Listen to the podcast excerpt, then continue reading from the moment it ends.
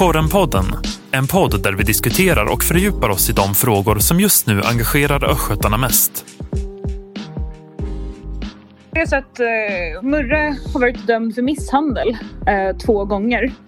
Eh, för 24 och 28 år sedan. Eh, det Mm. 1995 eh, när han gick i gymnasiet eh, och 1999 eh, i Linköping när han var student.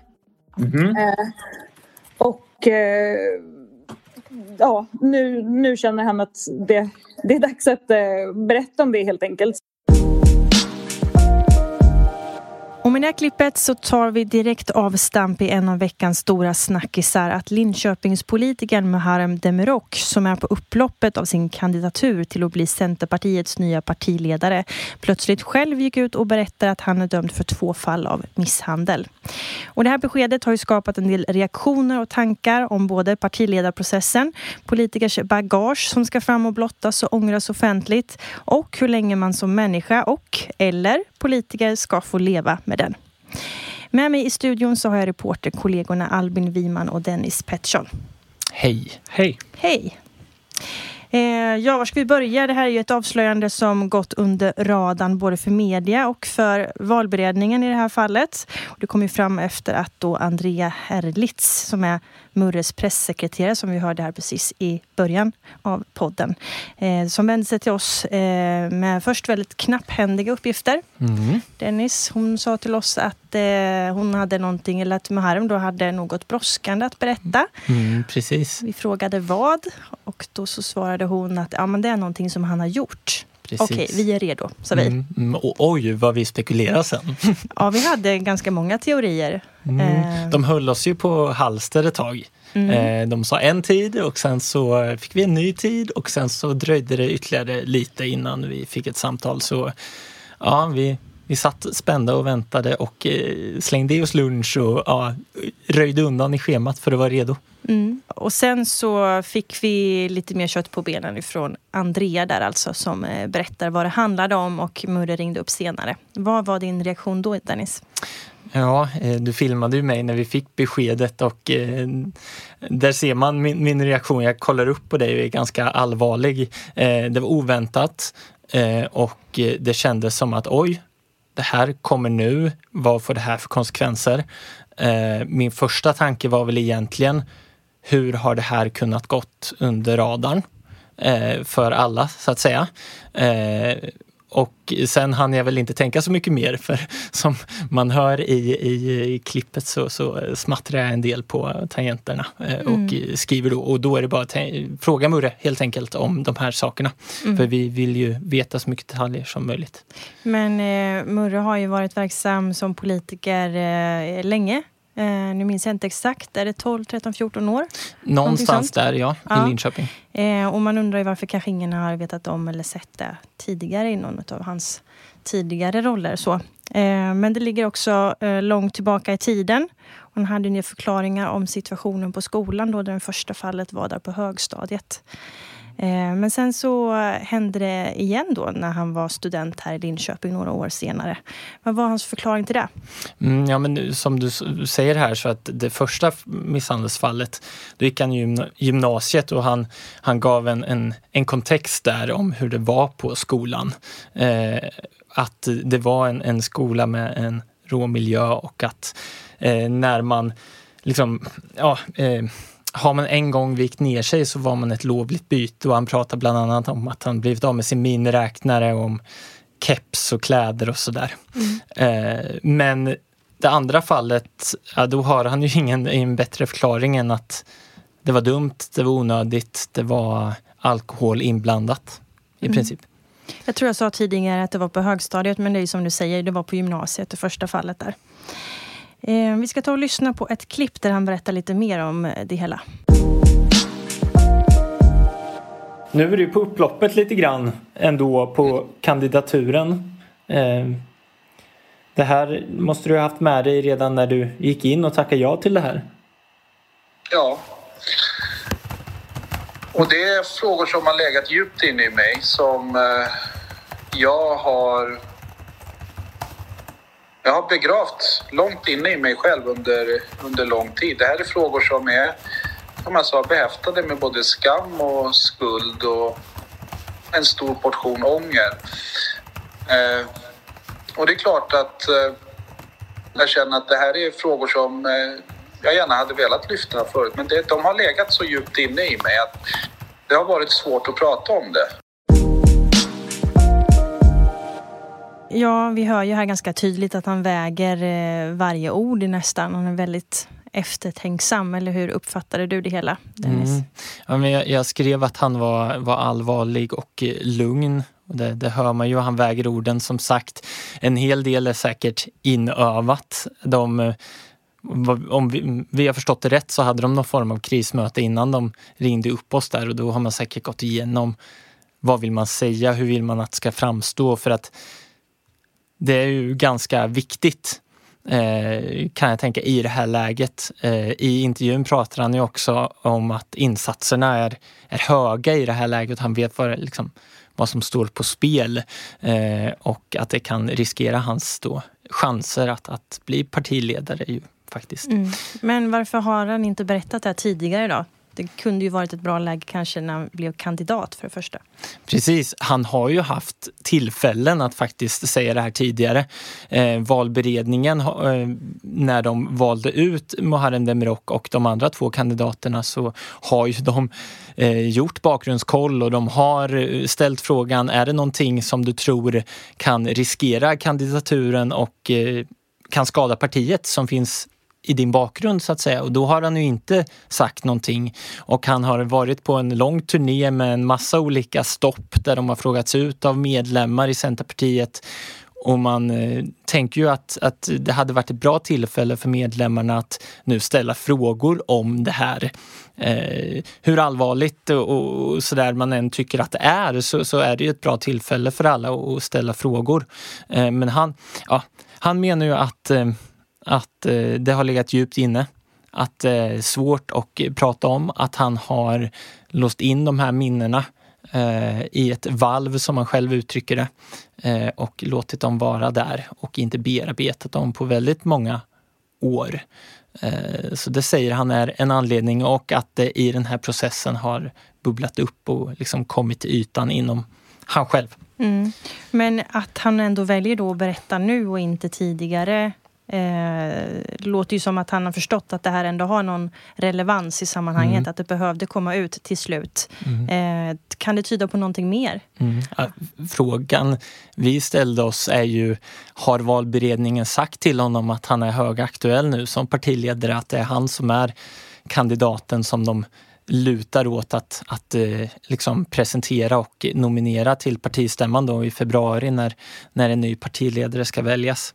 Eh, jag har ställt frågor om det, men Muharrem säger att det inte beror på någonting sånt och det lät på valberedningen som att det här var helt på Muharrems initiativ men vi kan ju inte veta det säkert ändå. Mm. Och det är klart att det hade ju inte varit jättekul om någon annan hade kommit eh, på det här innan han själv gick ut och berättade. Så att en sorts mm. nödvändig krishantering mm. ser det ju ändå ut att vara. Och att själv äga blir mm. det ju att han, han, han äger det här själv liksom, på ett helt annat sätt och kan ju... Ja, mm. det hade varit annorlunda om, om det hade kommit fram först efter att han blivit partiledare då, eh, mm. eventuellt.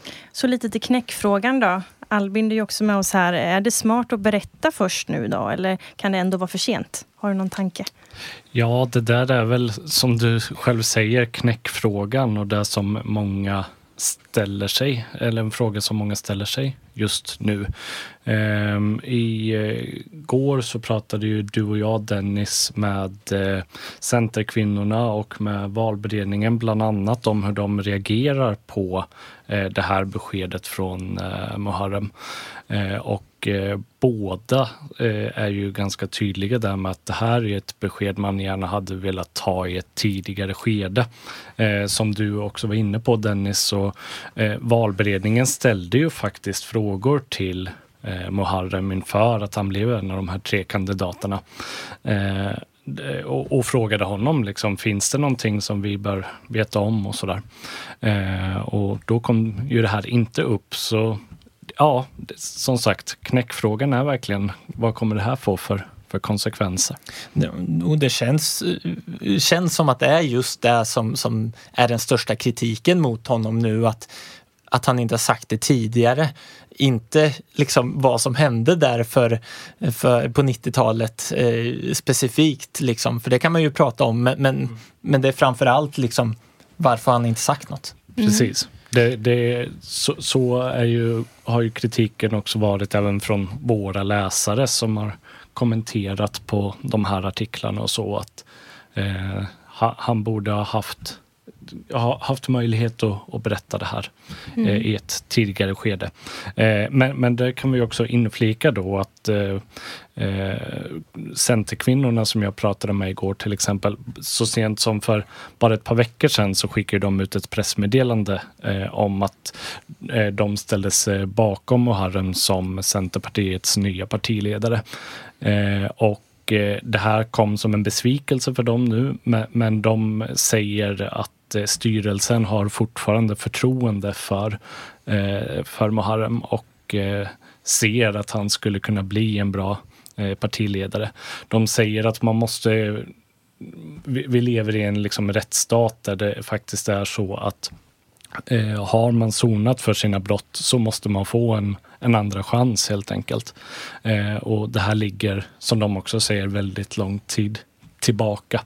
Mm. Jag eh. läste någon kommentar på korren.se också om det här med att ja, det var länge sedan, men de flesta har ju faktiskt inte en misshandelsdom eh, och nu är det en som har två. Mm. Mm. Visst, och, och det där är ju frågan liksom.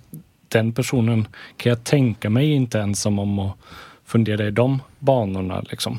Mm. Eh, så hur det kommer att påverka honom i slutändan, det återstår ju fortfarande att se lite grann. Mm.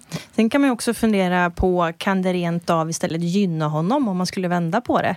Eh, de andra två kandidaterna har ju inte outat, eh, vad jag känner till, så mycket personliga grejer från sin bakgrund och sådär. Eh, om han pratar om att det sista valvet, det finns ingenting mer. Eh, vilken människa har ingenting och så vidare. Alltså så. Mm. mm. Jag, jag kollade ju på eh, hans eh, Facebook-sida här eh, ett dygn efter att han hade eh, publicerat den här nyheten eller vad man ska säga. Eh, och, och, det är ju en, det blir en subjektiv verklighet för det är många han känner och så som, som följer honom på sin Facebook-sida. Men där var det ju nästan uteslutande positiva kommentarer där, där folk skrev att det var starkt att han gick ut med det här nu. Jag tänkte också på, jag hörde i Politikpodden, Expressens, där man refererade till vår artikel och även diskuterade liksom, eh, vem som kanske ligger bäst till av de tre olika. Och vi har ju också försökt att prata lite om det eftersom vi har följt honom på olika mm. platser de senaste veckorna. Hur det egentligen ser ut och så. Det har ju mm. varit ganska svårt att bedöma. Men en del röster verkar ju nu höjas det här att det här var ju favoriten och nu kommer det här. Mm. Ja, det, det, har ju vi diskuterat att vi kanske inte riktigt drog de växlarna att han, han faktiskt är favoriten. Eh, men men eh, de senaste veckorna har ju många eh, krönikörer, ledare skrivit just om att han, han är en favorit och, och nu efter det här så, så är det många som beskriver honom som just favoriten. Och när vi var eh, i Alvesta på en av de kandidatutfrågningarna som har varit så upplevde ju vi att eh, tongångarna var väldigt positiva. Eh, han var den som, som fick flest applåder under den här eh, utfrågningen och de vi pratade med eh, var liksom positivt överraskade för att det är ganska många som inte har känt till Muharrem jämfört med de andra två kandidaterna som har varit lite mer välkända inom Centerpartiet. Han har Ja. Han har ju haft en lite underdog han har varit underdoggen bland mm. de här tre, liksom. men mm. man ska ju inte mm. underskatta den kraften heller. Tänker Nej, jag. verkligen. Nej. Kanske tvärtom egentligen. Att det är lättare att komma underifrån och liksom överraska och mm. vara lite ingen, modigare. Det är ingen som har några förutfattade tankar, liksom, men, men, men det man har pratat om är hans förmåga att nå igenom i bruset och liksom nå ut och, och ändå förmedla någon typ av liksom, hopp eller någon, ja, vara tydlig i sina budskap. Mm det har ju blivit ganska mycket murrebevakning kring det här förstås. Och eh, mm. eh, han är inte okänd för någon här i Linköping. Det har varit mycket kring honom eh, tidigare också. Eh, men eh, vi har ju faktiskt lite annat på gång också som vi kanske inte kan säga så mycket om. Eh, vad kan vi säga egentligen? Ja, nej, men vi kan väl nöja oss med att säga att framöver så kommer det ju bli stora publiceringar om Muharrem Demirok Mm. på, på Karens plattformar. Så kan man väl säga. Ja. För att det, det är ju så att ett, ett det det har vi ju sagt tidigare att det är ju på upploppet nu egentligen i den här frågan. Vem ska efterträda Annie Lööf? Eh, men vi vet ju inte, det är ingen som riktigt vet. Valberedningen är ganska hemlighetsfull när det handlar om när exakt de kommer att presentera en kandidat. För att det är ju så att det är partistämman den 2 februari, tror jag att det är. Eh, och inför det ska de ju presentera vilken kandidat som de nominerar. Eh, och där kan ju bli lite när som helst, känns det som. Eh, Mm. Ja, Närmsta veckorna i alla fall om man ska tippa. mm, borde vi ju få veta någonting kan man tycka. precis. Och jag försökte ju fråga valberedningen igår och hur de ser på det här och hur det påverkar liksom Muharrems chanser och sådär. Men det vill de ju inte riktigt uttala sig om heller. De säger att alla kandidater har chans just nu så att säga. Mm. Eh, men vi tar väl och lämnar Murray lite för nu. Eh, jag tänkte på slutet så här lobba lite för en uppföljning på bygggranskningen som vi pratade om också här i podden för två veckor sedan är det väl nu.